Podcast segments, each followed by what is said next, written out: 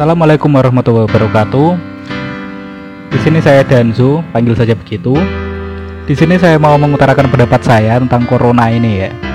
Dan saya hanya menggunakan logika dasar, dasar banget ya. Dan ilmu agama juga dasar banget. Jadi gini teman-teman, ada tiga alasan kenapa saya menjalankan PSBB yang dianjurkan oleh pemerintah. Ada tiga ya. Ya kita ngomongin masalah agama sedikit ini.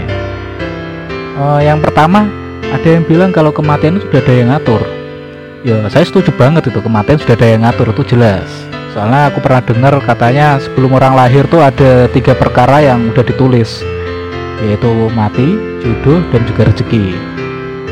Tapi saya juga berpikir bahwa ketiga hal itu kalau kita tidak mencarinya atau tidak berusaha maka itu tidak akan, tidak akan datang dengan sendirinya.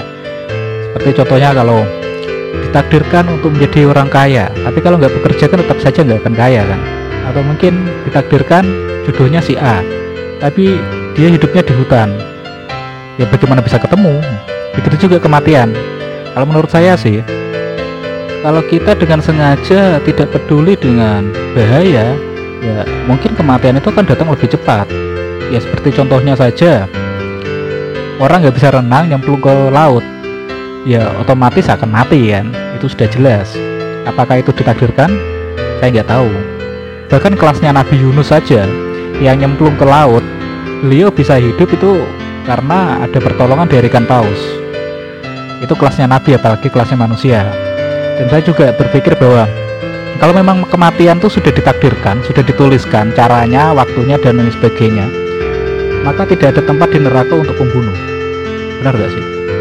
Soalnya pembunuh itu kan sudah ditakdirkan untuk membunuh seseorang. Kalau sudah ditakdirkan kenapa harus masuk neraka? Kalau logika saya seperti itu.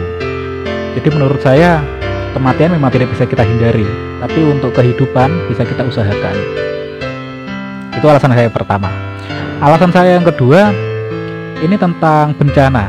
Saya mengatakan bahwa virus corona ini sudah menjadi pandemi global, artinya ini sudah kelasnya bencana. Di Al-Quran tertulis tentang penanggulangan bencana. Mungkin sebagian orang sudah paham, yang ceritanya Nabi Nuh. Kenapa saya sebut itu sebagai penanggulangan bencana?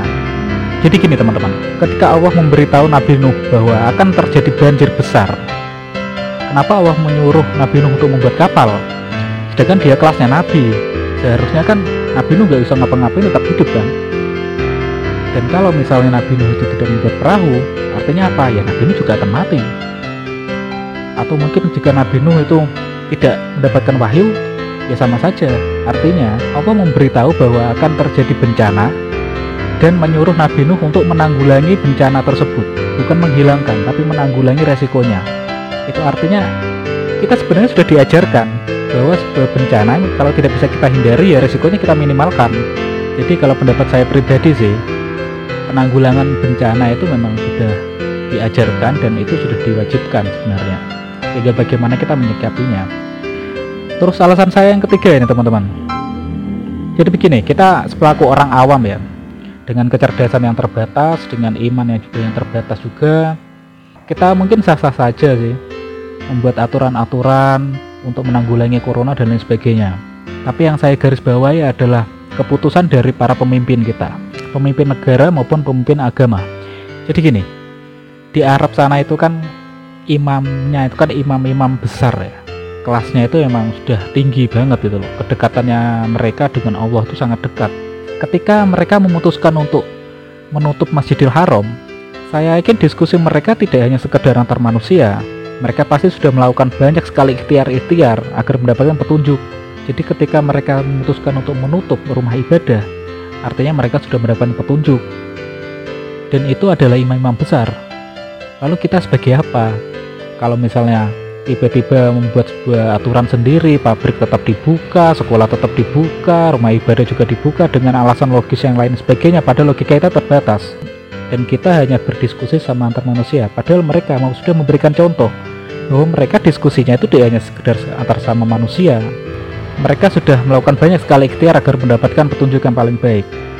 Jadi begitu teman-teman, tiga alasan yang saya sebutkan tadi, kenapa protokol kesehatan ini memang harus dijalankan menurut logika saya yang serba terbatas saya tidak mungkin membuat aturan-aturan baru untuk diri saya sendiri Begitu juga dengan ilmu agama saya yang terbatas, saya tidak mungkin mendapatkan dalil-dalil dan petunjuk-petunjuk langsung darinya.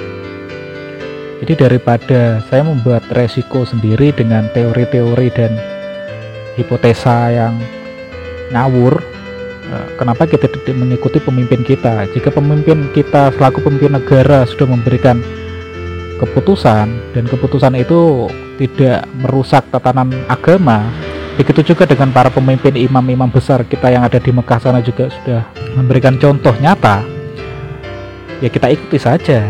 Jadi begitulah pendapat saya tentang PSBB atau penanggulangan corona yang ada di sekitar kita. Jika teman-teman memiliki pendapat yang berbeda, ya dipersilahkan. Saya kan tidak mengajak ya, ini kan hanya sekedar sharing pendapat sendiri. Atau mungkin teman-teman yang yang sekiranya memiliki logika yang lebih tinggi atau mungkin ilmu agama yang lebih tinggi juga bisa kita sharing-sharing di sini. Jadi itu saja, mohon maaf jika ada salah-salah kata. Wassalamualaikum warahmatullahi wabarakatuh.